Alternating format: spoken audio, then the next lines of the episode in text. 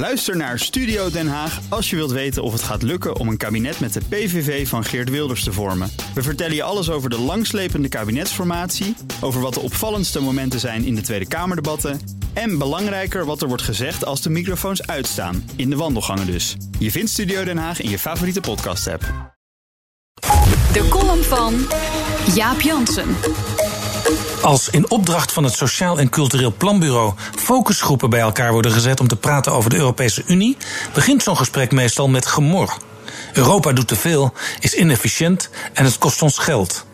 Als die mensen wat langer doorpraten, blijkt dat ze van Europa toch het nut wel inzien. Sterker, ze willen dat de Unie meer gaat doen op gebieden als klimaat, migratie en veiligheid. Ik lees het in een dik rapport van het SCP met als titel Wat willen Nederlanders van de Europese Unie? Dat blijkt bij nader inzien dus nogal wat te zijn. En wat ook opvalt, 85% van de ondervraagden in enquêtes en focusgroepen wijst een nexit, vertrekken uit de EU, af. Het speelt helemaal niet. Toch leek het de afgelopen dagen op de nationale televisie wel of Nederland aan de vooravond stond van zo'n nexit. De minister-president eiste zelfs een één op één debat met Forum in een poging dat gevaar af te wenden. Forum presenteert zich als een soort Nexit-partij en weet daarmee kiezers te winnen. Dat is opmerkelijk, want eigenlijk zien we een zwalkende matroos. Nexit ja, Nexit nee, ja, nee misschien. De lijsttrekker van Forum vindt dat hele Nexit-idee eigenlijk niks, maar omdat de partijleider er eerst een beslissend referendum over wil, wat in Nederland overigens niet bestaat, kan hij het accepteren. Het knappe is dat Forum met die Nexit-suggestie de andere eurosceptische partijen, PVV, SP en ChristenUnie SGP, electoraal een slag dreigt toe te brengen. Dat is interessant, maar het resultaat is uiteindelijk alleen dat op de radicale uiteinden van het politieke landschap de bordjes worden verhangen. Door zoveel nadruk te leggen op een geforceerde tweestrijd, die niet leidt naar het torentje, schept de televisie verwarring.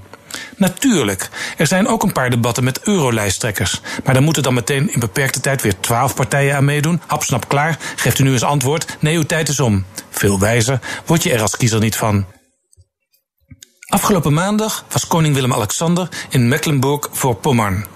In zijn tafelrede zei de koning: Het is belangrijk dat wij in Europa elkaar opzoeken en elkaar steeds beter leren begrijpen.